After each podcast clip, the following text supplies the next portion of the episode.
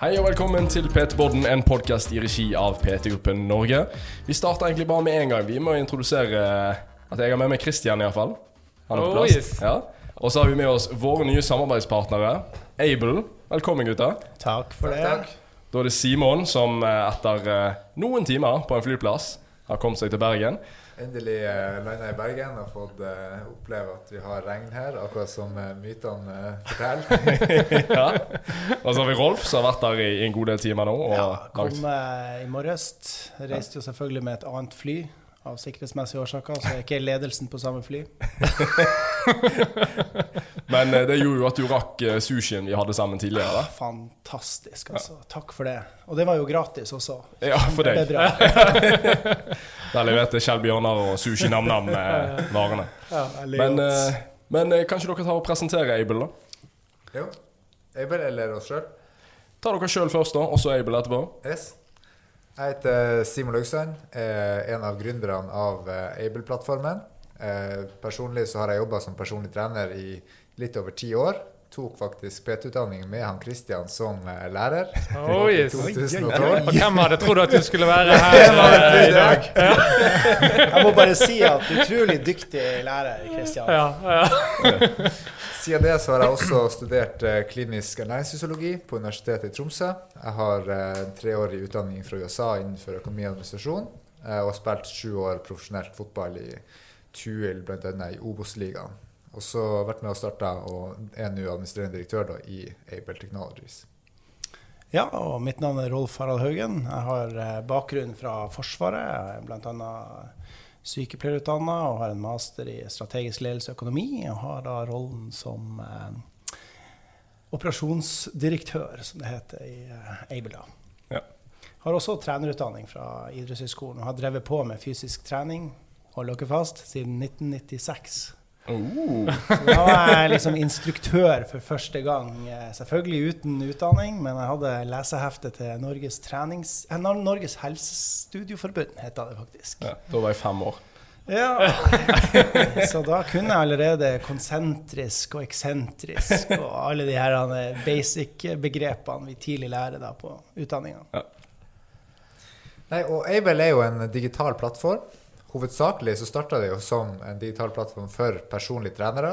Å kunne eh, følge opp kundene sine på en mer effektiv måte. Og kunne tilby tjenestene sine både digitalt, men også spille seg sjøl god opp mot kundene på senter. I dag så er det utvida og blitt en plattform også for, fys for fysioterapeuter, for ernæringsfysiologer, for trenere i idrettslag, og også nå er det brukt på fem sykehus og en del fastlegekontorer også. Og Formålet er jo, sånn som det har vært helt siden starten, at vi ønsker å gjøre personlig trening tilgjengelig for hele verden. Fordi at vi tror at det er gjennom personlig oppfølging av kompetent personell som virkelig bryr seg om kundene, at man får de ordentlig store helsegevinstene. Og vi tror at hvis vi klarer å tilgjengeliggjøre personlig trening for alle, så klarer vi å skape god helse, god funksjonalitet og god selvtillit i hele befolkninga. Og vi lager infrastrukturen som spiller PT-en god. Så vi har ingen personlige trenere. Vi er et verktøy for PT-ene og for de andre helsepersonellet å kunne følge opp pasienter over tid, og også samhandle på tvers av disipliner. Dette er jo noe for oss som har vært PT i veldig mange år, og for deg og, og for deg, Rolf, eh, en våt våtdrøm. Eh, Dette er jo det vi har lengtet etter eh, på så mange måter i så mange år. Eh, Så dette her er jo eh, Og sånn som han forklarer eh, både Able og deres på en måte vi vet deres visjon, så var det jo ingen tvil om at vi var nødt til å samarbeide med de. Nei, det er jeg- er helt enig i. Så etter vi hadde våre, våre første møter, så følte jeg vi hadde veldig mye samme verdier i selskapet. Og det, de samme målene og visjonene, sånn som, som Jon nevnte. Så det at vi endelig er her i dag og har startet et samarbeidsavtale, da, så er jeg veldig spent på hva vi skal få til fremover sammen.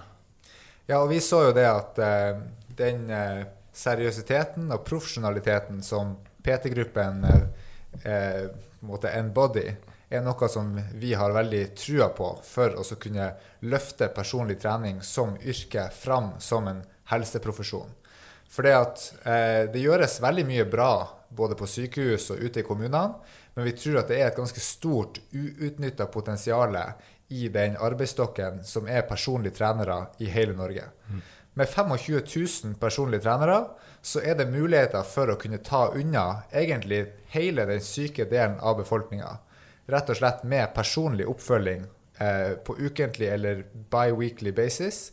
Og da er det egentlig vår jobb å sørge for at vi, vi får det til.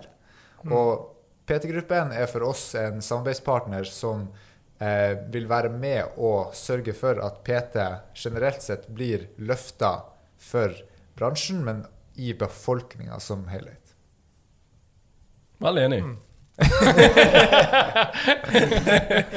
Men eh, det er veldig mange PT-er blant annet eh, som sitter og hører på dette her. Men jeg, vi tenkte vi skulle spille eh, og vise fram på en måte Able, da. Eh, ikke visuelt eh, gjennom podkasten, men at folk får et lite innblikk i hvordan det er å jobbe med Able. Eh, og jeg sa at det er jo egentlig eh, Jeg vet ikke fordelingen, men det er veldig mange PT-er. Men det er òg veldig mange vanlige brukere som ville vært kunder i Able, eh, som sitter og hører på. Så hvis vi først går gjennom hvordan er det for en PT å bruke dette produktet?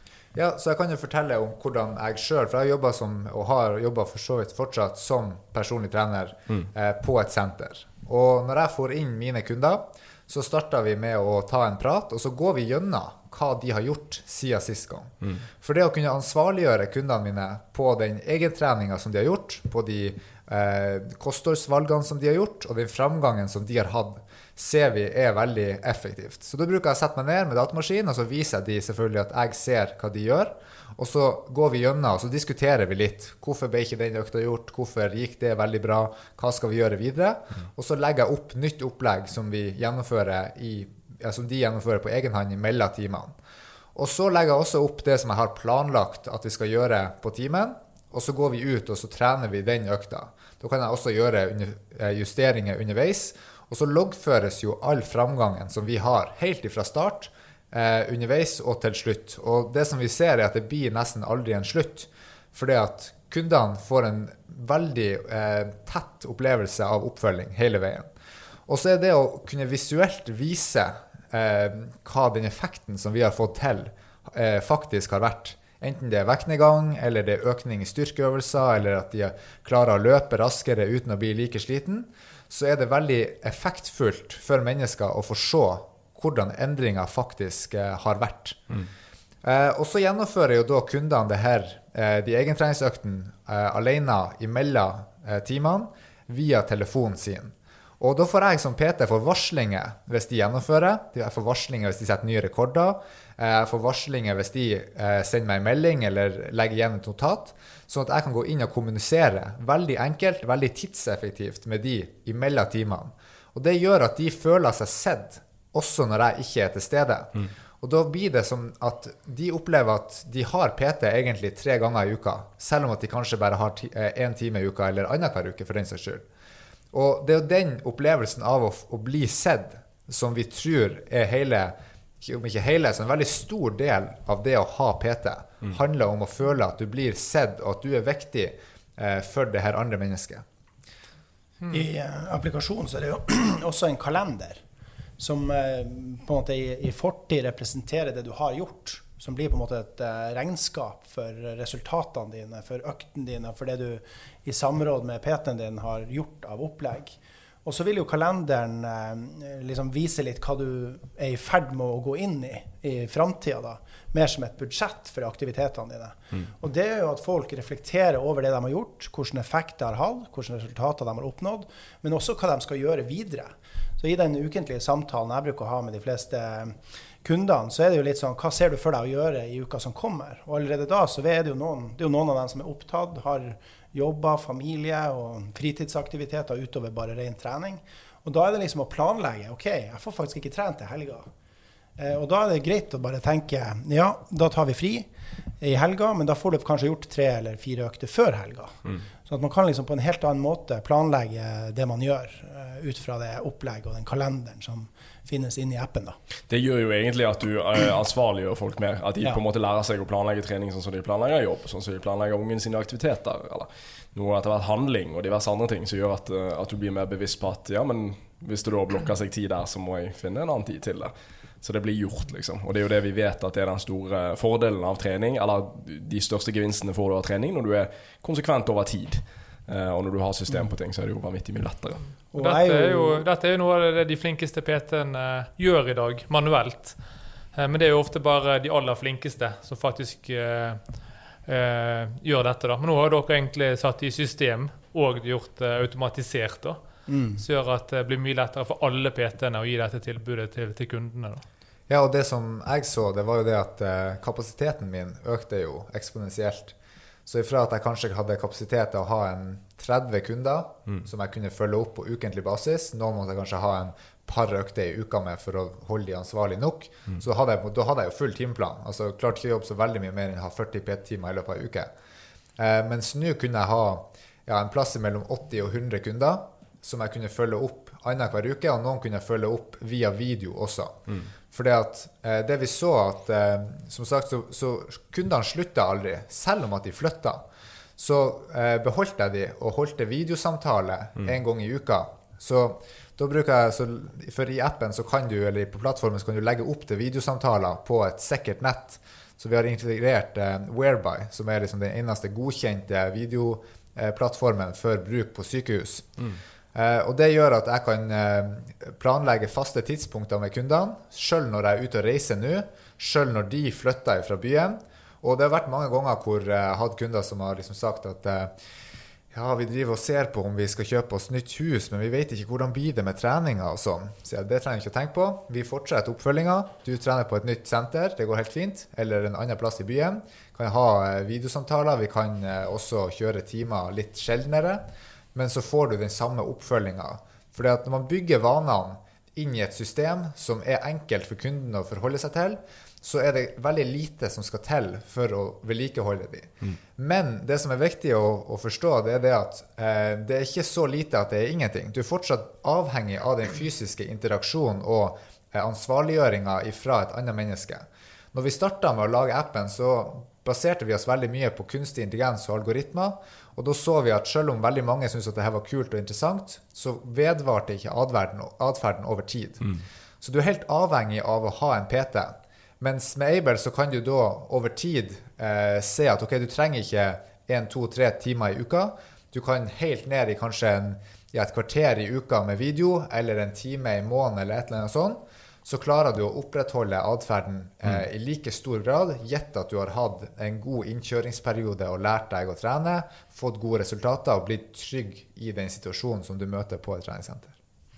Jeg har jo eh, ikke brukt eh, applikasjonen så lenge som Simon har, da. Eh, men jeg har jo på en måte bare lært meg på relativt kort tid å trene sjøl på en litt ny måte. Fordi at, som nevnt i sted, jeg har holdt på siden 1996. Eh, trent veldig mye styrke, annet, og trent masse forskjellig. Men det første den høsten her har hatt skikkelig effekt av eh, den jobben jeg har gjort. Ikke fordi at jeg nødvendigvis har trent mer, men jeg har trent mer systematisk. Og jeg har jo også hatt eh, PT i appen som har eh, holdt meg litt tilbake. Fordi at av og til blir man jo kjempemotivert når man gjør det bedre og bedre, og så skal man trene oftere og oftere, og så får man kanskje en skulder eller et kne eller et eller annet man eh, kjenner at man har vondt i. da. Og så må man ta pause, og så blir pausen kanskje så lang, lang at du ender opp med at du rett og slett får eh, mye dårligere kontinuitet i treninga. Så det å ha noen, egentlig uansett hvor god utdanning du har, eller hvor mye peiling du tror du har på trening, så er det lett å miste litt sånn den kritiske sansen hvis man skal gjøre alt sjøl. Så det å bare få noen andre til å liksom hjelpe deg litt, eh, og guide deg, liksom se på den totale belastninga over de siste to ukene, som kanskje er litt lett, lett å glemme da. Eh, det har i hvert fall hjulpet at jeg har satt rekorder nå, i en alder av 41. Jeg har løfta mer enn jeg noen gang har gjort. Men jeg har ikke trent eh, nødvendigvis hardere. Jeg har liksom trent med, litt mer med hodet, fordi at uh, andre har kommet inn og gitt meg liksom gode råd. Da. Så det er utrolig artig, egentlig. Nå har jeg jo sagt at uh, vi har jo sammenlignet det litt i forhold til Strava. da Sant? Og nå vet jeg at vi har veldig mange som løper, som hører på podkasten. Og mange av de, eller majoriteten av de har i fall enten begynt å bruke Strava, eller får beskjed av oss om å begynne å bruke Strava. eh, og dette her blir jo på en måte eh, Strava, men at du, du, har en fysisk kommunikasjon med en coach eller PT i tillegg. Mm. Eh, og Strava for min del, i forhold til løping, så eh, det er veldig gøy å få kudos, og det gjør at jeg Altså hvis ikke det er logga, så er ikke det jogga. Og den går jeg veldig etter. Det høres ut som sånn teit ting å si, men det sånn, det hvis det ikke er klokken er ladet, liksom, så sparer jeg løpeturen til dagen etterpå. Til vi lader klokken. Men det er òg fordi at jeg har lyst til å få all data inn der. Sånn, jeg har lyst til å få alt, alt fra stegfrekvens til, til liksom ja, cadence eh, og til hjerterytmen og til distanser og liksom generelt sett hvor mye arbeid har jeg gjort. da Sånn at jeg òg kan se over tid hva jeg har gjort, hva type økter jeg har gjort, hva som har gjort at jeg har fått suksess. Eh, inn mot løp så kan jeg ha forskjellige statistikker på hvordan jeg Ja, alt dette. Eh, og det er jo det på en måte som gjør at det er lett for meg å holde det gående. For jeg har kontroll på hvor mye jeg har gjort. Det er ikke bare noe sånn random jeg har løpt litt på måfå, liksom. Uh, og det er jo det jeg tror er den aller største suksessen for både kunder og for PT-er. For for PT-ene sin del så er det sinnssykt gøy å kunne ha den detaljerte oversikten over hva kunder faktisk gjør utenom treningene sine. Sant? Eller utenom PT-timene. Og motsatt så for kundene sin del så er det dritgøy å få vist det fram. Og i tillegg til å få den anerkjennelsen på en måte underveis eh, Kan spille på, på, min tid som PT, så er det jo de kundene som varte lengst. Det er de kundene som jeg hadde best kontakt med mellom timene. Sånn, som syntes det var gøy å sende meldinger og si sånn jeg har fått ny rekord', eller 'gjort ditt eller datt'. Eh, og det har vi vært vant til å gjøre via tekstmelding eller via Messenger, men nå kan du på en måte ha alt på én plattform. Og for alle PT-er der ute, så er liksom Able er på en måte den eneste måten å, å gjøre det på. Vi venter i evigheter i denne bransjen på å få et sånn type verktøy. Så ingen tvil om at dette her er noe som på en måte appellerer til absolutt alle som ønsker framgang på noen som helst måte, både for Peter og for kunder. Så alle som hører på, uh, bare gå inn på Able. Det er Able Health på Instagram og Facebook. Sånn. Ja, gå inn der og bare følg dem og følg med på hva de gjør på. For vi, også, vi skal gå videre litt til, til det vi på en måte har lyst til å jobbe sammen mot i, i stor skala. Og det er aktivitet som medisin, trening som medisin. Trening på resept, PT på resept. Uh, og dette er noe som, uh, som egentlig definerer dere mest. Uh, for dere har en vanvittig god app og et dødsbra system. Men verdien og visjonene deres, altså hva dere gjør utenfor den fysiske appen, det er det som er absolutt mest spennende å snakke om akkurat nå. For det er store ting. Ja, og eh, selv om at ikke det var på en måte intensjonen fra grunnen av at det her skulle bli noe som eh, betales av folketrygden, så var det at vi trodde på at PT hadde potensialet til å gjøre det. Mm. Og så ser vi at et naturlig steg nå er jo faktisk at man som samfunn tar et standpunkt og sier at det her har vi trua på. Det finnes masse forskning som viser at trening og aktivitet har en positiv helsegevinst. Vi kan regne på hvor mye man kan spare i forhold til sosiale kostnader, i forhold til folke, altså, eh, helsekostnader på, på, sykehus og, og eh, relatert til livsstil. Mm. Eh, og det vi sammen med bransjen nå er på tur å få til, det er det at eh, vi skal få da PT eller oppfølging eller trening systematisk over tid på resept. Eh, og det som må til for å lykkes med det, det er at du har et system og en metode eh, som kval kan kvalitetssikres, sånn at man vet hva det er som leveres. Mm. Så må man kunne måle effekten over tid, og så må man kunne sette det i et eh, skalerbart system som gjør at man kan distribuere det ut til hele befolkninga. Mm. Og det som er viktig når man skal ha noe på resept, det er det at man har med seg legene. Legene er jo helt avgjørende i et sånn type system. Så du er nødt til å ha en infrastruktur hvor de som skal gjennomføre behandlinga, som her er PT og ernæringsveileder, kan samarbeide og kommunisere med legen.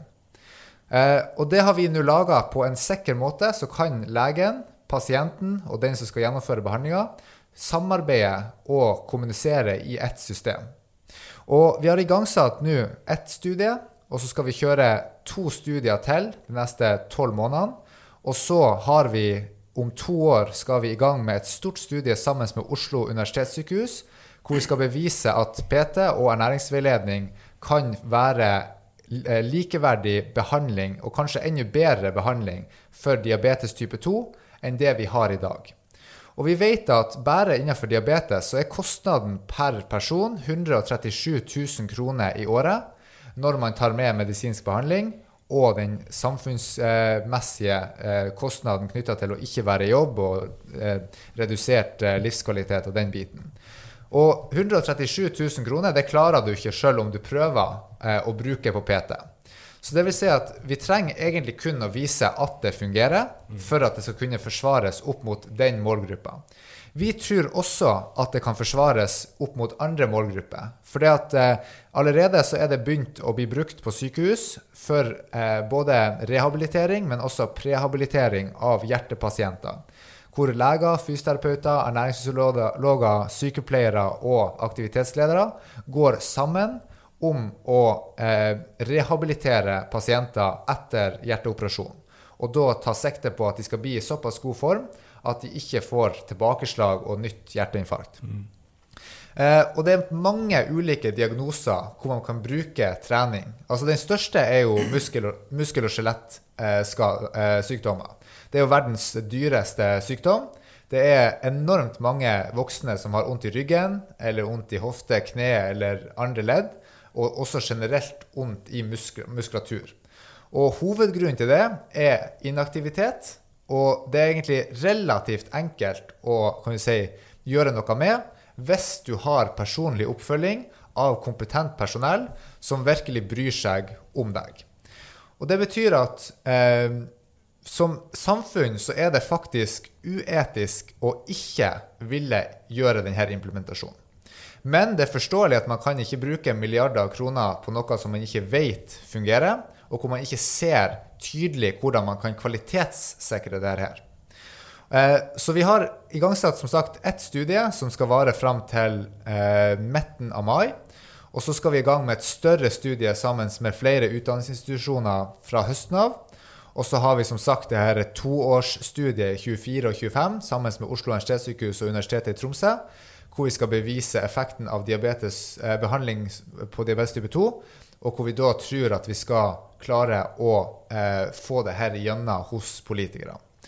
I tillegg så er det ei høring før folkehelsemeldinga 11.3 i Bergen, hvor vi har meldt oss på, hvor vi skal starte prosessen med å fortelle det her eh, på tre minutter til eh, helseministeren og Helsedirektoratet. Jeg tror det letteste der å bare be de høre podkasten. Ja.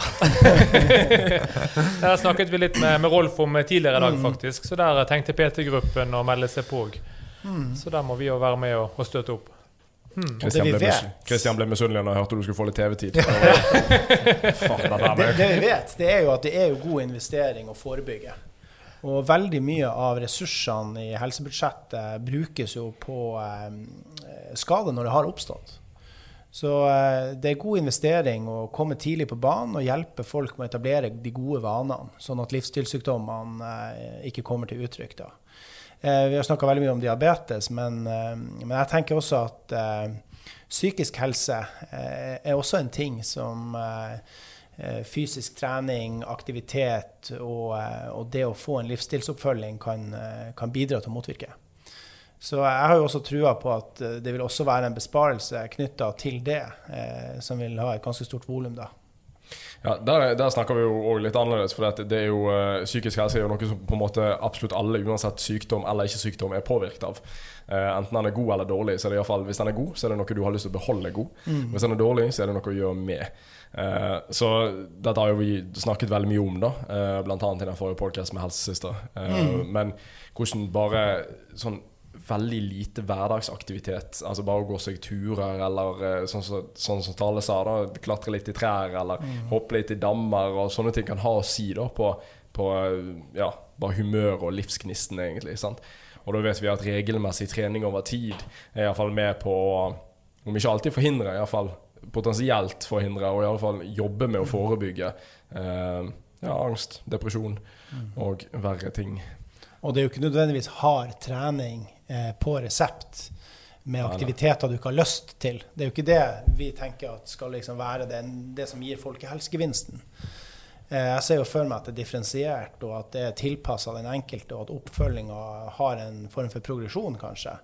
At man kanskje får en bedre og bedre helse og er i stand til å liksom ivareta hverdagsaktivitetene på en stadig bedre måte. Og det handler ikke bare om å bære varer, det kan handle om å bare fungere i det daglige og kunne leke med dine barn. Liksom. Eh, så det er mange aspekter gjennom livet som er viktig å, å tenke på der. da. Men det er jo der på en måte personene og PT-ene og diverse folk som følger opp folk gjennom Able, eh, kommer til sitt rette. For det skal jo tilpasses hver enkelt individuelt som kommer der med forskjellige ønsker og forskjellige ja, forskjellige ønsker, forskjellige erfaringer, forskjellige eh, livsstiler eh, og eh, tid eh, som gjør at eh, ikke alle klarer å rekke gjennom det samme opplegget. Så det går jo liksom ikke an å ha noe standardisert som du gir ut til hele befolkningen.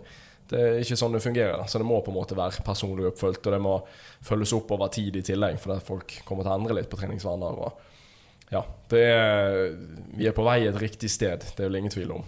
Uh, men vi, vi, vet jo at dette fungerer, så får vi få det bevist i tillegg uh, på forskningspapirer. Um, men hva, hva, er på en måte din lidenskap bak det? Altså, hvorfor, hvorfor, har du satt i gang dette her gigantiske greiene nesten på egen hånd sammen med et par andre? Ja, når man jobber som PT, så kommer man veldig tett innpå mennesker. Mm. Og eh, hvis du faktisk bryr deg om de menneskene, så gjør du en veldig stor forskjell for dem. Min erfaring er at jeg eh, måte blir kanskje en av de fem viktigste personene i deres liv. Og den eh, erfaringa der, eh, kombinert med eh, hvor mye det har å si for deres personlige helse, både i forhold til fysisk helse, mental helse, men også den sosiale helsa til personene, gjør at jeg syns at det her var noe som alle Jeg tror at alle kan få det til, og jeg ønsker at alle skal få oppleve det. Og da er jo egentlig bare spørsmålet hvordan klarer vi det? For jeg så ikke på meg sjøl som så unik at jeg, liksom, jeg var den eneste som klarte å få det til. Jeg trodde at med rett utdanning og rett interesse, så var det veldig, veldig mange som klarer å få det til. Og Da handler det om å utarbeide et system, men også en metode som er skalerbar, og som man klarer å få ut til de store massene. Og så ser vi at det er veldig viktig for PT-ene også at de må kunne ha en trygg jobb med med god inntekt. Så vi har veldig mye fokus på hvordan klarer vi å skape en høyere inntekt for PT-en. Hvordan verktøy kan vi lage som gjør at de enten kan få bedre betalt per time, eller at de klarer å holde på kundene lenger, eller at det blir lettere å selge seg inn til kundene, rett og slett vise sin verdi overfor potensielle kunder. Mm. mm. Fortell gjerne litt om de, de, verktøyene, da. Ja, eh, For det første så har vi jo tatt bort mye av det her heslet som er med å være PT. Så alt av fakturering, alt av oppfølging av betaling, eh, betaling i seg sjøl og også regnskap kan man gjennomføre på plattformen. Så man trenger ingen andre systemer for å kunne si både drive sin business eller drive sin business sammen med noen andre på et senter. Eh, og så er det det at vi har veldig, veldig trua på det her med lojalitet som konsept. Eh, vi tror at hvis man er lojal, så vil man få mer igjen over tid. Og fra vår side så betyr det at vi f.eks. aldri kan selge dataen som er plattformen, eh, ut til andre tredjeparter. For det vil være illojalt overfor sluttbruker. Så vi har gjort det sånn at det er sluttbruker sjøl som eh, har kontroll over sin data og bestemmer hvem er det som skal ha tilgang til den. Samtidig så vet vi det at sluttbruker de klarer seg over tid ikke alene. Så det vi har gjort, det er at for å kunne bruke plattformen, så er du nødt til å være tilknytta en coach eller en personlig trener eller en fysioterapeut eller hva man nå kaller det for. Eh, og det vil si at Hvis man da tenker at ok, nå har jeg lyst til å være alene eh, fordi at jeg tror at jeg klarer det her alene, så mister man da tilgangen til plattformen. Og det er en form for lojalitet som eh, på en måte enforces på et vis.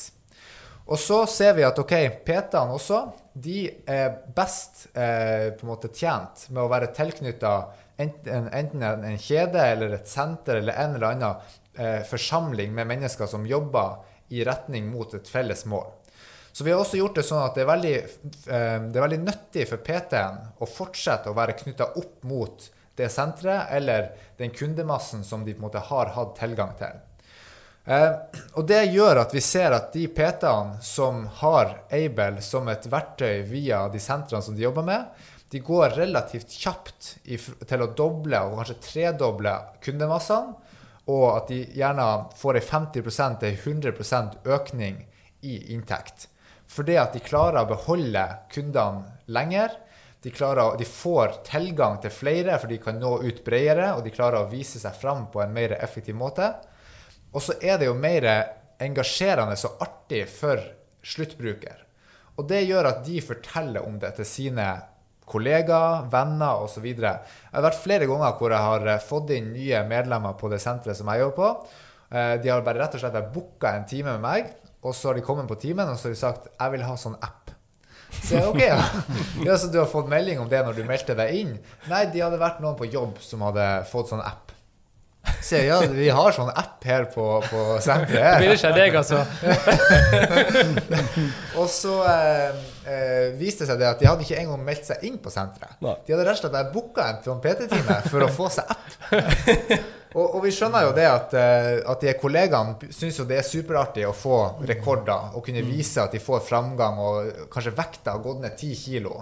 Og så er det veldig visuelt og veldig enkelt for de å vise det fram til sine kollegaer. Så du får en liten sånn nettverkseffekt internt rundt deg som PT eller deg som senter, som gjør at du tiltrekker deg mer kunder. Så det er liksom en del av de her faktorene som gjør at eh, PT-ene som bruker Able, tjener ganske mye mer penger og har en mye sikrere inntekt. Ja, altså denne, denne eh, verdien der av å ha liksom eh, personlige rekorder og ditt og datt du kan vise fram, eh, den er jeg, jeg hadde Tinder i to uker. Og jeg, jeg, jeg vurderte om jeg kunne finne ut om jeg kunne koble stravaen min til Tinder liksom, og bare vise fram den. Det var liksom nok.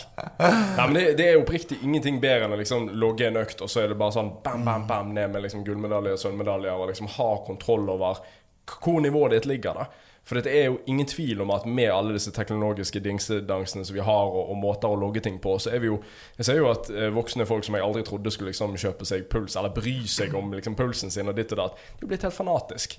Altså Det er jo Strava premium, og det liksom alt skal logges, og alt er liksom Det er dritgøy å kunne vise det fram, sant. Og det er jo, jeg tror, jeg tror vi har eh, Jeg har noen venner der vi har gjerne brukt litt for mange timer eh, der vi snakker om sånne ting. Men eh, det skaper engasjement. Sant? Så det, det er ingen tvil om at det kommer til å være ganske mye av det Ganske mange P3 kommer til å få kunder på den måten. For at sånne ting sprer seg. Sånne ting er gøy å snakke om og vise fram til, til venner og kollegaer. og sånt. Så det at, eh, fall når du har noe objektivt liksom du kan, kan vise fram som stolthet. Og Da får du også fokuset mer på prestasjon og, og, oppnåelse, måloppnåelse og sånne ting, enn en bare kropp og, og diverse. Det vi har sett, og som vi har hatt veldig sånn bevisst forhold til, det er at vi skal ha fokus på det vi skal gjøre, og mindre fokus på det vi ikke skal gjøre. For det vi ikke skal gjøre, det trenger vi rett og slett ikke å, å bry oss så mye om. Så hva vi skal gjøre, både av aktiviteter som måte, mat vi skal spise, eller aktiviteter som trening eller tilsvarende som vi skal gjøre, og også positiv reinforcement, altså forsterkning av positiv atferd. Det går fint om du måte ikke trente. Eh, kanskje vi skal flytte økta til en annen dag. Det går fint om det ble en liten utskeielse på maten, f.eks. Men hvis vi fokuserer på det som er bra Ja, men du fikk jo i deg faktisk nok for denne dagen av både A-vitamin og D-vitamin og nok protein. Bra. Eh, og du fikk gjort to økter, og du fikk gjort sett åtte nye rekorder. Og vi ser jo at du sprenger jo fortere denne uka enn for tre uker siden. Og du gikk jo faktisk ned et halvt kilo. Så det å ha fokus på alt som er bra, det ser vi har en sterk positiv atferdsdrivende effekt. Og mange er jo veldig opptatt av det her med å gå ned i vekt. Det blir en sånn uh, Treninga skal liksom være et, eller et virkemiddel du, eller en aktivitet du gjør for at du skal liksom veie mindre. Uh, mens uh, ved å bruke Able så forsterkes du og som Simon sier her, da, til at du får en bekreftelse på at du f.eks. løfter tyngre. Du uh, kan trene mer enn du har gjort før. Du kan springe fortere. Alle de tingene som også får deg til å føle deg bra. da. Sånn at ikke trening og spising bare handler om hva du veier, men at du rett og slett har det bedre og føler rett og slett at eh, kroppen din eh, fungerer bedre. Og jeg tenker jo at nå er det liksom tolv år siden jeg gikk ut av eh, Universitetet i Tromsø som sykepleier. da. Og jeg ser jo at, at det her med å tenke forebyggende og tenke god atferd der, der mennesker liksom hjelpes til å ta gode valg, det er jo kjempemotiverende å få lov å gjøre da, uten at du nødvendigvis står inne på en sykehusavdeling og, og på en måte prøver å gjøre det bra i en, i en pleie etter at en eh, pasient er skada eller har hatt en operasjon, eller hva det måtte være. Helt enig. Og det positive reinforcement er helt gull verdt. Eh, Det er derfor vi også liksom fokuserer stort sett på Christian med, med den ene verdensmestertittelen han vant, og ikke, ikke alle fjerde- og femteplassene han fikk. eh. Men jeg tenker at uh, Det sto meg nå.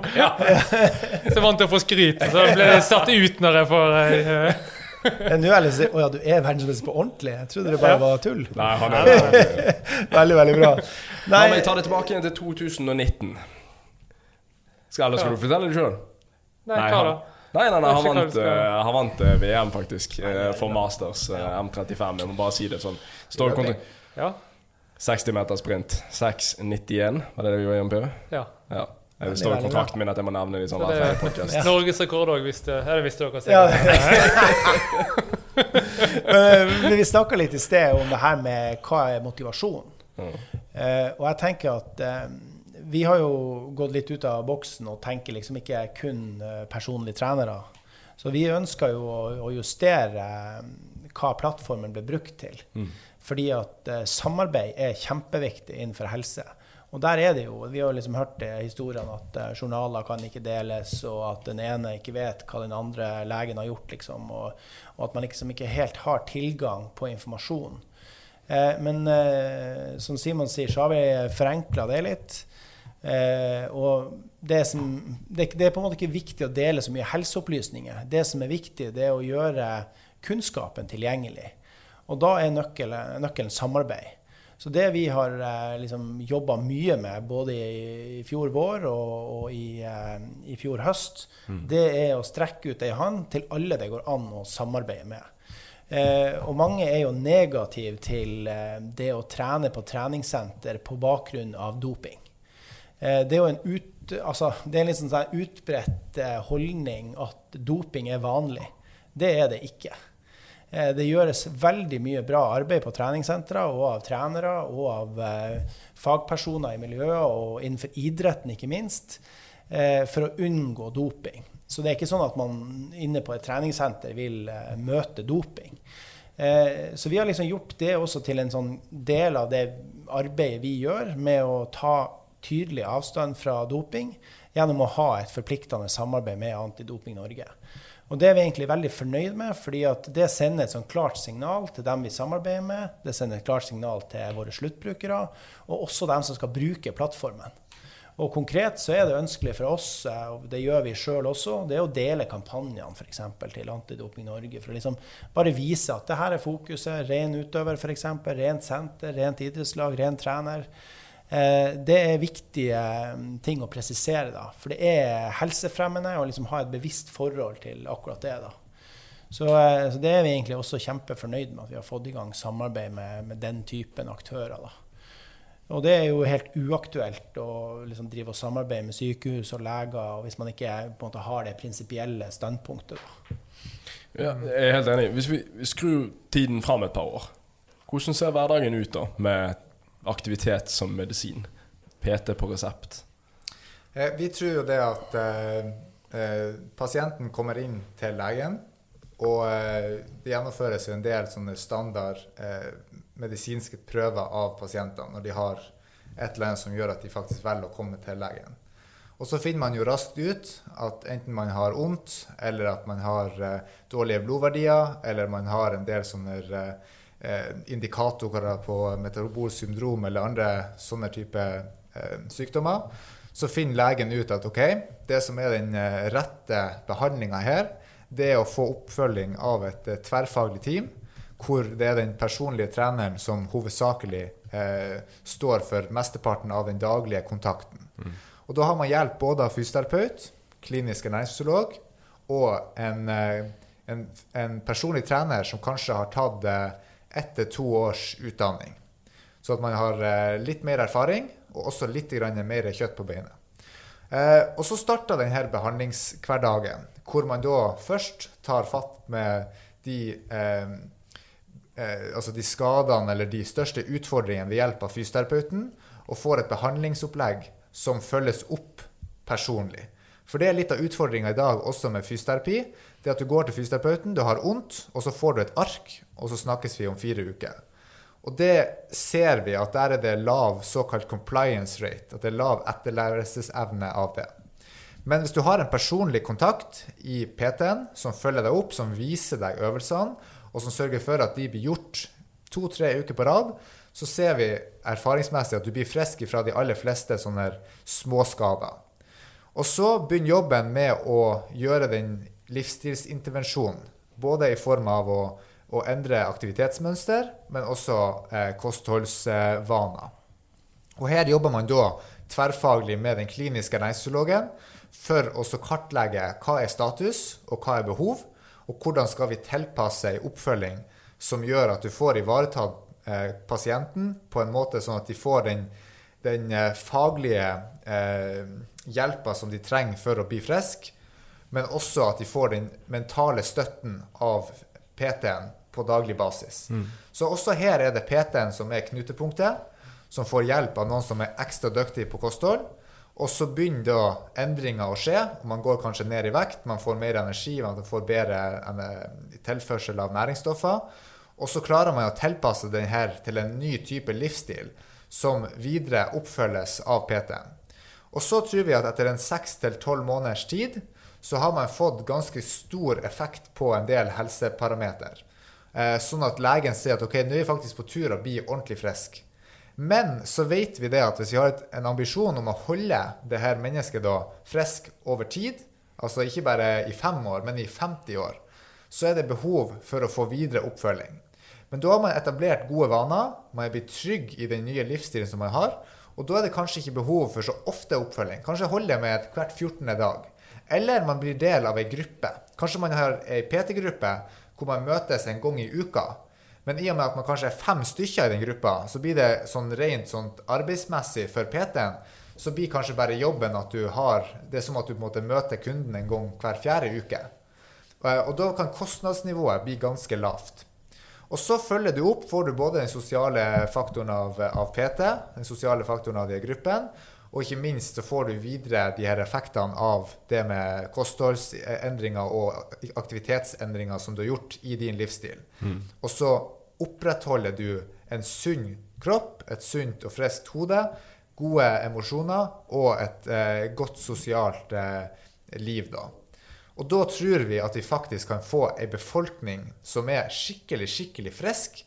For at hvis vi har eh, god kroppssammensetning, vi har en sterk kropp som er vant til å være i aktivitet, vi tilfører mye eh, god næring til den kroppen, og den får eh, utfordringer, kognitive utfordringer som gjør at de får mestring, så bygger vi selvtillit, som man tar med seg ut på sosiale arenaer, sånn at man får mestring der også, så tror vi at folk faktisk eh, i stor grad ikke trenger å være på sykehusene nesten i det hele tatt. Klart, noen vil ha noen skader av og til, og, og noen har medfødte eh, på en måte predisposisjoner for ulike sykdommer.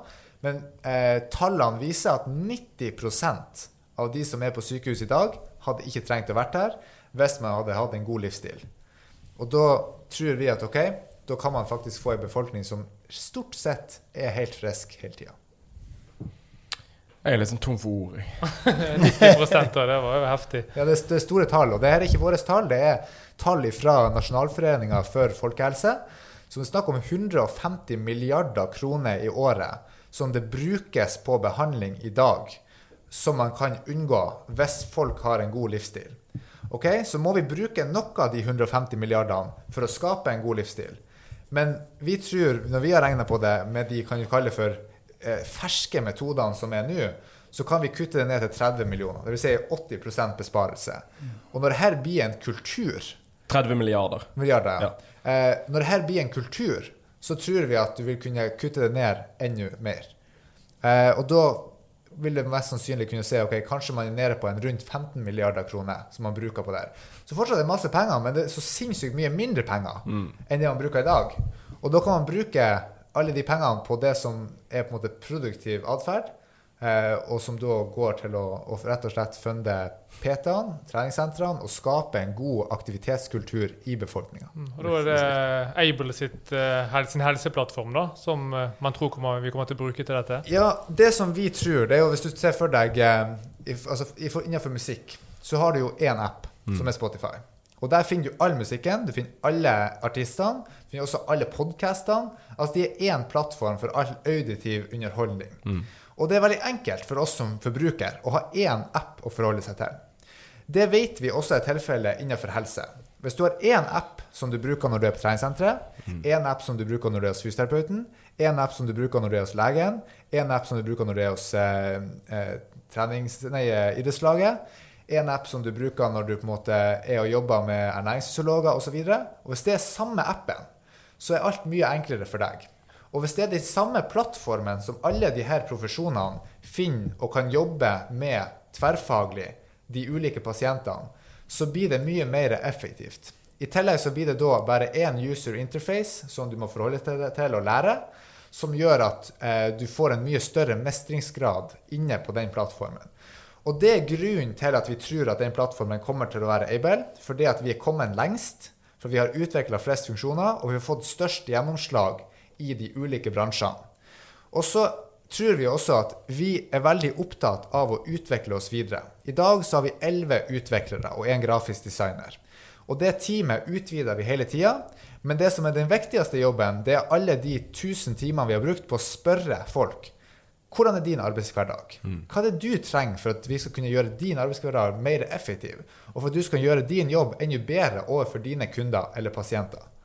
Eh, vi har gjennomført godt over 1000 dybdeintervjuer, og vi har gjennomført masse spørreundersøkelser. Og vi kontinuerlig er ute etter å få feedback fra alle de ulike profesjonene for å videreutvikle plattformen, sånn at det blir det ultimate verktøyet å bruke for å klare å skape denne eh, ja, eh, arbeidshverdagen hvor du bare, ting bare flyter, og du bare lykkes med å hjelpe så mange mennesker som mulig. Er det sånn at um, Hvis du er personlig trener da, eller, eller fysioterapeut, kan de òg finne hverandre inni appen, eller må de ha et samarbeid fra før av? Så akkurat nå så må du ha et samarbeid. Mm. Men vi tror jo det at når vi får det her som en del av eh, ar det arbeidsverktøyet som bare alle bruker, så er det ganske mange flere funksjoner som vi kan legge på, hvor man klarer å fasilitere samarbeid både om ulike pasientgrupper, på tvers av ulike fagområder, og hvor også pasientene sjøl kan finne de, eh, den kompetansen som de har behov for. Hmm. Så hvis kunden er inne i appen, så burde de kunne finne en PT og en fysio eller lege inni der inne òg? En slags virtuell markedsplass, da. Ja. Mm. Sånn er det jo ikke i dag, men det vil være helt naturlig neste steg. Mm. Og det som er viktig å huske på her, det er jo det at vi er jo bare plattformen. Vi har jo ingen PT-er. Vi, vi, er jo ikke et brand per se. Så da kan på en måte PT-gruppen være der, og så kan det være noen individuelle PT-er som er der, og så er det kanskje et, eh, noen fysioterapeuter, kanskje fra Klinikk for alle, og så er det noen eh, prestasjonstrenere og noen mentaltrenere, og så er det ulike kjeder som er der. Mm. Og så kan man spisse seg og på en måte sørge for at det er da PT-en som er den her viktige kan det for uh, commodityen, som er veldig sånn scarce, altså sånn eh, vanskelig å få tak i. De flinke folkene. Og så kan man bruke tid på å utvikle seg sjøl, sånn at man kan måte, differensiere seg overfor de ulike kundene i markedet. Mm. For vi tror at kunnskap, og ikke minst integritet, altså hvor, hvor, hvor måte, enkelt er det å stole på deg, kommer til å være de viktigste tingene som PT fram i tid. Mm. Og plattformen er også ment å bruke til å utvide markedet. I dag er jo markedet på 1% eh, altså Det er altså 1% av befolkninga som kjøper tjenester fra en PT f.eks. Men vi tror jo at ved hjelp av å lage et kvalitetssystem, ved hjelp av å lage en metode som er bra, som har verdi, skaper liksom bærekraft for både PT-en og for kunden, så vil mange flere benytte seg av muligheten til å kjøpe den tjenesten. Så det er reelt sett ikke konkurranse eh, slik vi ser det. Fordi at potensialet er så enormt. Og alle, eller eh, en veldig stor, veldig stor del av befolkninga, trenger jo hjelp til denne kunnskapen, i hvert fall i deler av livet, til å lære om hvordan man burde trene, og hvordan man ikke burde trene, og hva man helst burde gjøre, hva som er tilgjengelig i nærområdet der du er, f.eks. Hvem som er tilgjengelig, og hvordan du kan liksom utnytte de ressursene og de rammene du har tilgjengelig. Da. Mm. Og hvor langt ifra er vi at uh, eh, PT på resept eller aktivitet på resept kan bli en realitet? Ja, Vi tror at uh, til neste år så skal vi være med og funde. Vi har jo fått nå Hvis vi får den siste søknaden også, så har vi fått over 50 millioner. Vi har fått noen og 20 millioner så langt i forskningsmidler. Og så har vi en søknad sammen med Oslo universitetssykehus og Universitetet i Tromsø og, og også Diabetesforbundet inne på 26 millioner. Uh, og vi tror at det som kommer til å skje nå, det er at vi til neste år kommer til å gjennomføre en stort studie som rett og slett er bare at vi funder det hele. Da får på en måte PTA lov til å koble seg på, og så skal vi vise at det her faktisk fungerer. Så, så tar vi på en måte den regninga gjennom at vi har fått forskningsmidler for å gjøre det. Og så eh, kjører man da det store studiet i 24 og 25, og så blir det da, tror vi, en realitet i løpet av 25-26. At det på en måte blir bredt utbredt. Eh, I det store studiet så er 10% av fastlegene med. Så da er på en måte, har man det implementert som en del av 10% av fastlegene, mm. så er det veldig kort vei til å få med alle fastlegene. For det er veldig mange fastleger som vet at dette er løsninga, men de har ikke noe reelt system å på en måte systematisere det her på, sånn at de, de føler seg trygge. For de må jo som sagt vite at de kan stole på de personene, at de har tilstrekkelig kunnskap og erfaring, og at de har en, en, en, grad av integritet som gjør at de eh, kan sende pasientene trygt over til, til de her PT-ene. Men rent sånn praktisk så tror jeg at vi kommer til å ta regninga sammen med bransjen til neste år. Og så blir det en sånn halvveis offentlig greie med 10% av fastlegene i 24 og 25. Og så tror vi at det her kommer til å bli vedtatt i løpet av 25-26. Det er liksom den timeline vi ser for oss. Mm.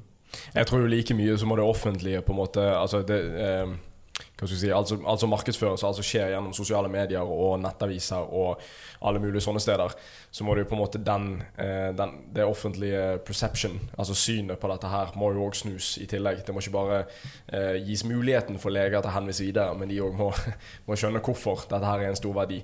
Og folk må skjønner du sjøl òg. Altså, vi må jo komme der at folk ikke trenger å gå til legen sin for å skjønne at fysisk aktivitet er en, en god ting eh, og kan være en løsning på veldig mye.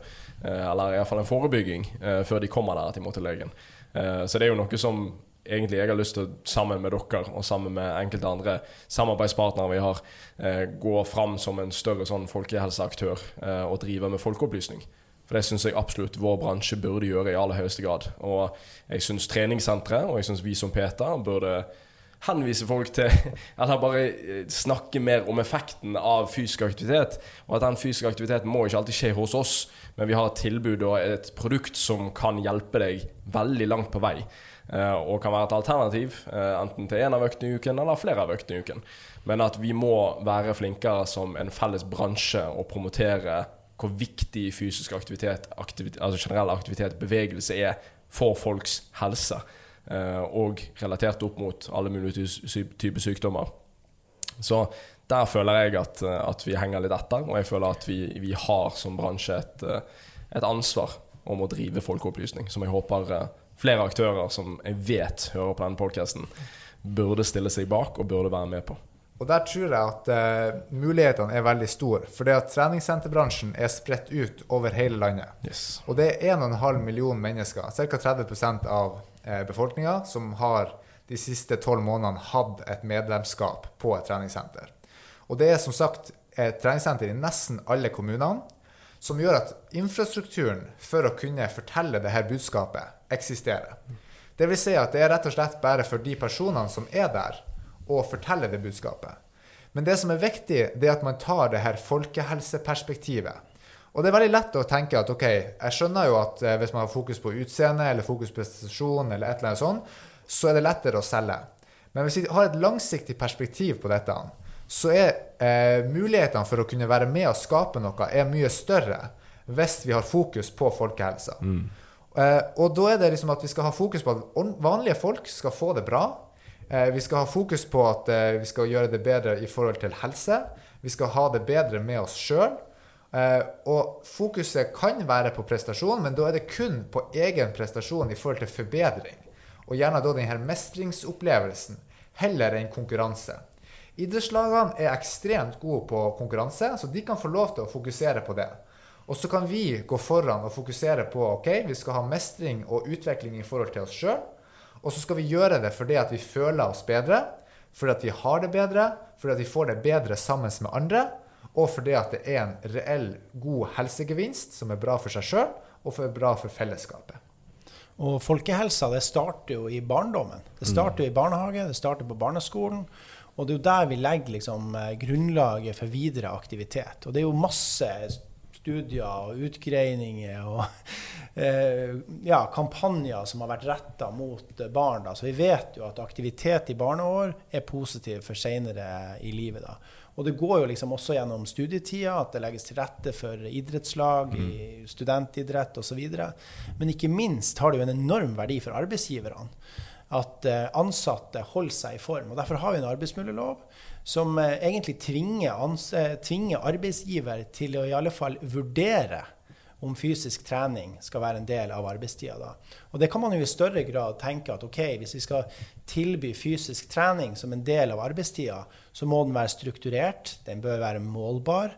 Vi bør kunne dokumentere en effekt, og vi må kunne liksom se hvordan dette tiltaket og denne kostnaden eh, rett og slett har en verdi for arbeidsplassen. I form av at folk kanskje er friskere, føler seg eh, mer produktiv og har en bedre hverdag f.eks., er mindre syk og, og, har det rett og slett bedre. Da. Så jeg tror også at i tillegg til det som går på egeninteressen hos det, det enkelte individ, og eh, folkehelse som en del av det offentliges ansvar, så er det også viktig å tenke at arbeidsgiverne eh, kan ha mye å eh, tjene på akkurat det her. da.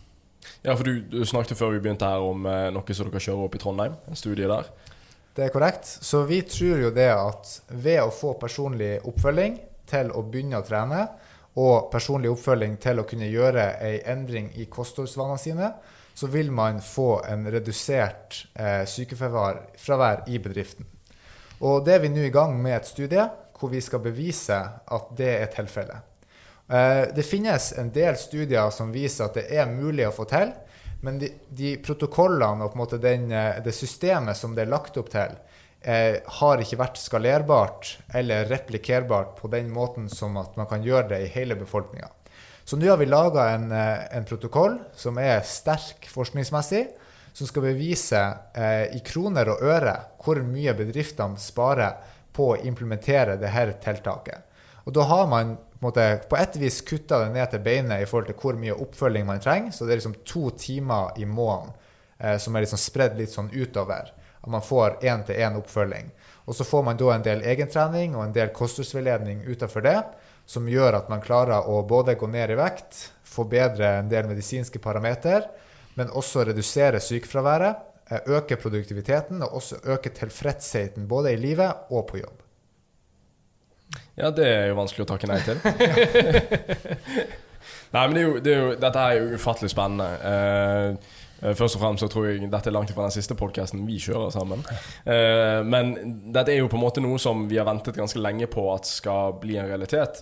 Uh, og nå at på en måte hjulene er i gang, og at det er så mange aktører nå som er med på laget for å jobbe i den samme retningen, så er det jo ingen tvil om at eh, altså jeg har i hvert fall ingen tvil om at vi kommer til å lykkes med det.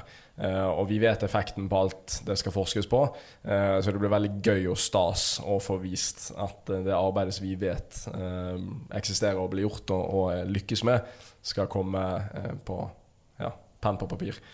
Mm. Beviselig. En uh, ting som vi også kunne gått inn på, det er liksom hvordan man skal levere et PT-produkt. For i dag så leverer nesten de aller fleste det på, på lik måte. Og det er at man selger klipp. At man har pakker på 10, 25, 40, 50, hva det måtte være. da. Og så har man gjerne en PT-time i uken som et eh, minimum. Det er gjerne standardmåten å levere PT på i dag hos de aller fleste. Og Det som òg ofte skjer, da, det er at hvis en kunde er syk eller noe skjer, så avbestiller de den timen den uken, og så kommer de på timen neste uke. Og det er jo dumt for PT-en for at man mister inntekt, og det er dumt for kunden for at du mister kontinuitet i treningen. Og Det samme er jo at vi oftest vil gjerne ta pauser, eller de skal på ferie, og ting skjer som gjør at kunden får mindre kontinuitet, og PT-en får mer svingninger i inntekten. Men dette òg har jo Aibel noen løsninger på. da, At i dette systemet så kan man kanskje levere PT på en litt annen måte, som gjør at man kan ha flere kunder. Men da kanskje levere det med en en kortere timer eller en annen type frekvens. Kan dere fortelle litt om det? Ja. Det, det det handler om, er jo å tilpasse seg til det som kunden har behov for. Og her er jo Aibel kanskje litt spesiell i forhold til at det er veldig stor frihet i forhold til hva PT-en kan legge opp og tilpasse pakka. Du kan lage pakka på en måte on the spot som du ser er nyttig og tilpassa til den kunden. Og det som på en måte er en gjenganger hos kundene til PT-ene, det er jo det at de får jo månedslønn. Mm. Det er helt, helt, vanlig å få månedslønn. Eh, og det betyr at når du da tenker på hva du har råd til, så måler du det i forhold til hvor mye du betaler per måned. Eh, hvis man da tar og legger opp til hvordan eh, en pakke hvor, som faktisk mer er basert på hva kunden betaler per måned, heller enn hvor mange klipp de har og hvor mye ekstra de på en måte skal kjøpe, så kan man egentlig eh, tilpasse pakken sånn at alltid kunden har råd. For at kunden kommer jo til deg med en intensjon om at hvis det er bra nok og billig nok, så blir de å kjøpe. Og da er det egentlig bare opp til PT-en å finne ut av hvor ligger det nivået henne. Er det på 500 kroner i måneden? Er det på 800 kroner i måneden? Er det på 1000, 1200, 1500, 2000, 3000, 4000? Finn det nivået, og så skalerer du på en måte tilbudet deretter. Og så må du selvfølgelig sørge for at kvaliteten på produktet passer med det som eh, er behovet hos kunden. Men min erfaring er at kunden skjønner eh, ofte logikken. Hvis de kommer med et mål, at de har lyst til å gå ned f.eks. 20 kg, så skjønner de at det tar en plass mellom 9 til 12 måneder å lykkes med å skape den varige endringa i vekt. Eh, og så skjønner de at ok, hvis de skal holde på så lenge, så, så vil det på en måte koste en plass mellom 10 000 og 50 000 kroner. En plass imellom der. Og så blir det da opp til, til PT-en og kunden i lag og finne ut av OK, eh, ut ifra den hverdagen som kunden har, ut ifra det budsjettet, ut ifra de rammene som de har rundt, hva er det som er mulig å på en måte ta seg råd til, men også nødvendig for å kunne nå det målet. Og Hvis man skisserer en plan ut ifra det målet, som er logisk og selvfølgelig også realistisk, så er min erfaring at kundene har veldig stor forståelse for det, og har enormt mye mer lyst til å få resultatet enn de har til å ikke bruke pengene. Så folk flest har nok penger til å kunne kjøpe PT. Hvis man klarer å løsrive seg fra det her eh, ramma om at alt må på en måte kvantifiseres i klipp. Mm. Ja, det må selvfølgelig leveres noen timer, men det betyr ikke det at eh, all verdien er kun knytta opp mot timene. Kanskje vi skal legge med kostholdsveiledning, treningsveiledning. Kanskje vi må ha en del videosamtaler. Eh, kanskje det skal være at man kobler på en, en, ekstra familiemedlem eller en venn. Eller, det er masse måter å skape både mer verdi, men også å omstrukturere dette produktet sånn at eh, kunden ser at dette blir realistisk å få til, og at de har råd til det. Så min erfaring er at alle har råd til det. Det er rett og slett bare opp til PT-en å finne ut av hvordan skal vi klare å pakkettere det på en måte sånn at de syns det høres logisk ut at vi når målet, samtidig som at de har råd til det. Mm. For min del så uh, har jeg funnet ut at det er lurest å selge abonnement. Mm. Altså det at man sier at i tolv måneder så betaler du meg f.eks. 1500 kroner i måneden, og så følger jeg deg opp. Og da tar jeg ansvar for at uh, du faktisk får de resultatene uh, du ønsker eh, ut fra det jeg gir deg av arbeidsoppgaver eller økter eller varighet, eller altså uansett hva det måtte være. Men i tillegg eh, til eh, måte å, å framelske atferdsendring, så flytter du perspektivet gjerne fram, framover. For hvis du selger, la oss si du selger ti klipp, så er det bare ti repetitive sessions der du som PT eh, eller kunde skal være sammen med en PT. da. Og så kan jo det brukes opp relativt kjapt. Det kan brukes opp over en to til tre måneders periode. Og så er det på sett og vis lang tid der du ikke helt vet. Det jeg er litt opptatt av, det å tidlig virkelighetsorientere kunden om at det tar tid å få en bedre fysikk og en bedre helse. Det tar tid å gå ned i vekt. Fordi at eh, det som mange egentlig sitter med inntrykk av, det er at det går så fort. Man går så fort ned i vekt. Det, det, er så enkelt, og man leser en del sånn suksesshistorier uten helt å få beskrive for seg sjøl hva det egentlig vil si. da. Så jeg vil si at jeg bruker faktisk litt tid på å avlive noen myter eh, og hjelpe folk med å flytte perspektivet fram i tid. Eh, så det der med å abonnere og det å si at OK, nå har vi en avtale som går i tolv måneder, det gjør at det er mye lettere å liksom tenke langsiktig med kundene. da. Og så sier jeg også, for at det ikke skal føles så voldsomt forpliktende, du kan si opp når som helst, liksom. Mm. Det som er litt være, greit med at du sier at du kan si det opp, da, og at du har et løpende abonnement, det er jo at kunden må ta et aktivt valg med å slutte med PT. Ja. Mens hvis du har klipp, så går jo klippene ut, mm. og da må jo PT-en gjøre et resalg.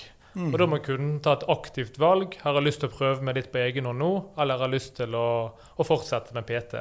Mm. Så jeg tror at det kan være greit å ta vekk det aktive valget om de skal fortsette. da, mm. At kunden sjøl må finne ut at de faktisk vil slutte med PT. Og så må man ta et valg, da. Hvilke kunder eh, skal jeg liksom pensle meg inn på?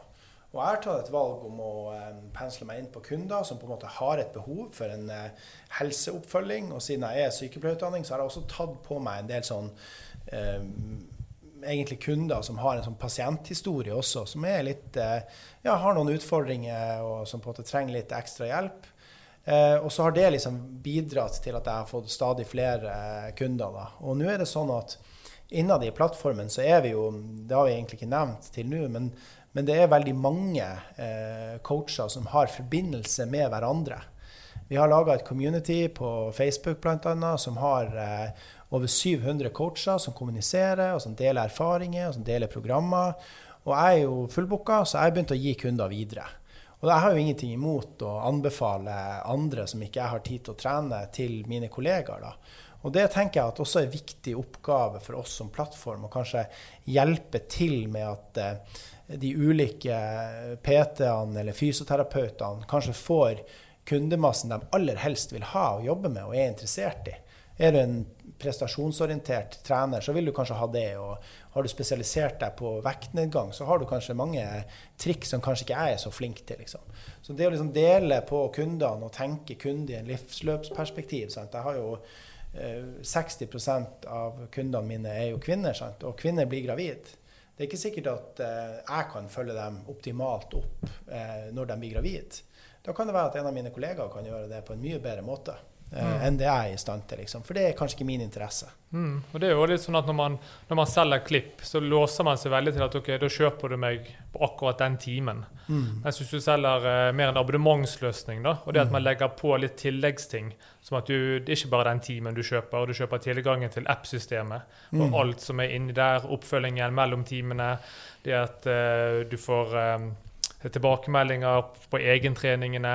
Og det er en helt mye mye større pakke. da. Mm. Så når du kjøper et abonnement med månedsoppfølging på den måten, og la oss si de ikke kan møte opp på, en, på den ene fysiske timen, da, så må de likevel betale det samme i måneden. For de får jo alt dette andre rundt. Mm. Og da tror jeg kundene er mer villige til å akseptere det. da. Og at de blir mye mer vant til at jeg kommer ikke på den økten. Ja, men da blir det en videosamtale, og så blir det, blir det andre ting man, man gjerne får istedenfor. Ja, og, og, eh, det er også det at hvis du har et abonnement på det, så blir det mer en sånn naturlig del av livet. Altså, mm. skal, selvfølgelig skal du ha det. Det er, sånn, det, det er, noe som du bare har, mm. i stedet for at du bruker det i en periode. Og vi er jo veldig tilhenger og tror veldig på det her med at du skal ha PT hele livet. Så jeg har jo vært profesjonell idrettsutøver. I tillegg så har jeg, er jeg PT med lang erfaring. Likevel så har jeg jo PT sjøl. Og det er fordi jeg har jo personlige mål som er utafor det eh, kompetanseområdet som jeg sjøl har. Så mine mål går jo på mer sånne atletiske sånne eh, turnelementer. Så dergo så har jeg en coach som er ei dame som har eh, seks norgesmesterskap, tidligere landslagsturner, ha, ja, er veldig veldig erfaren innenfor både turn og calisthenics og forskjellige andre idretter. Eh, og det tror jo vi på at behovet for å ha PT, egentlig litt uansett hvem du er, Sånn som når du er og løper, Jon, så, så har du jo lyst til å bli bedre. Og så er det å se på en del parametere i forhold til steglengde i stedet for stegfrekvens, i forhold til hjertefrekvens, alle de her tingene. Og hvis du da kunne fått coaching fra noen som var eh, ja, la oss si verdensmester, så hadde det vært både givende for deg, motiverende, og så hadde det vært lærerikt. Og så utvikler man seg innenfor et felt i en periode, og så kanskje man bytter felt heller heller enn at man liksom skal ha PT i en periode og så ikke ha PT. Nei, du skal jo ha PT hele tida, og så skal du bare bli god på forskjellige ting. For det er jo artig å lykkes, om det er turning eller løping eller styrke eller hva det er for noe. Så ser vi jo at folk har jo lyst til å gjøre nye ting, og, og da tror jeg at PT-en bør være med som en helsecoach egentlig gjennom hele livet. Mm. Litt sånn eh, I sted så nevnte du at du kunne tilpasse produktet etter kunden. At du kan skalere, skalere, ned på pris og kanskje frekvens på oppfølging eller varighet på timen. da. Men helt konkret, hvordan eh, vil produktet se ut da, hvis du skal følge de opp færre eh, eller mindre enn én PT-time i uken? da? Ja, nå hadde jo jeg eh, eh, De fleste kundene mine hadde jeg etter ett og et halvt år flytta over på at de hadde annenhver uke. Så da Da har de kjøpt eh, La oss si de har kjøpt 20 PT-timer som de har tenkt å bruke i løpet av et år. Mm. Og så eh, kjører vi time annenhver uke, og i mellom timen så får de da egen treningsøkte. det er en måte å gjøre det på. En annen måte er at de kan få videooppfølging, f.eks. Eh, tre uker i, eh, i måneden, og så har de én PT-time én gang i måneden. Da har de oppfølging hver eneste uke, men likevel bruker de tre, to på en måte, arbeidstimer til PT. Eller så kan de ha kun videooppfølging hver uke, eller annenhver uke. Mm. Eller da har man videooppfølging inni appen, sant? Ja. Ja. Og det gjør jo at du får ulike kostnadsnivåer. Alt ifra, så Hvis du har to PT-timer eller video, eller sånn, på en måte, så det blir to arbeidstimer, så koster det kanskje 1500 kroner. Mens hvis du bare har ett videomøte i måneden, så kanskje det kanskje koster helt ned i 600 kroner. Som likevel er veldig god timesbetaling for PT-en, men også eh, mye mye billigere. i forhold til at Da får du appen, du får treningsopplegg, du får kostholdsveiledning, og du får ansvarliggjøring. Kanskje du får noen meldinger en gang i uka også i forhold til eh, de, den atferden du har hatt. Så det er veldig mange måter å gjøre det på for å tilpasse det til hva kunden har behov for, og hva de har råd til. Og så er det en annen ting som er kjempeviktig. Mange PT-er er veldig opptatt av å telle timer. Telle klipp, telle interaksjon med kunden i minutter og timer. Eh, men jeg tror mer på det å interagere med mange eh, uten at man nødvendigvis tar betalt. Og fordelen med å jobbe litt online og jobbe litt fleksibelt, er at du kan bruke litt tid. Du kan sende litt meldinger, du kan ha litt samtaler, du kan ringe litt. Du kan følge opp folk eh, og, og nesten egentlig få dem i gang uten at det er så mye jobb. Og gjennom å bruke Able så vet man jo hva man skal gjøre hver dag. Jeg vet jo hva de har gjort hver dag, om de har gjort noe, om de er i gang eller om de ikke er i gang. Og etter en ganske kort tid, egentlig, det kan være en uke eller to, så har jo jeg et inntrykk av hvor seriøs denne kunden er. Uten at jeg har tatt risiko med noe kontrakt og, og noen forpliktelse overfor kunden, og uten at kunden har tatt noe risiko og måte, noe bindingstid overfor meg, og, og uten at det har kosta noe.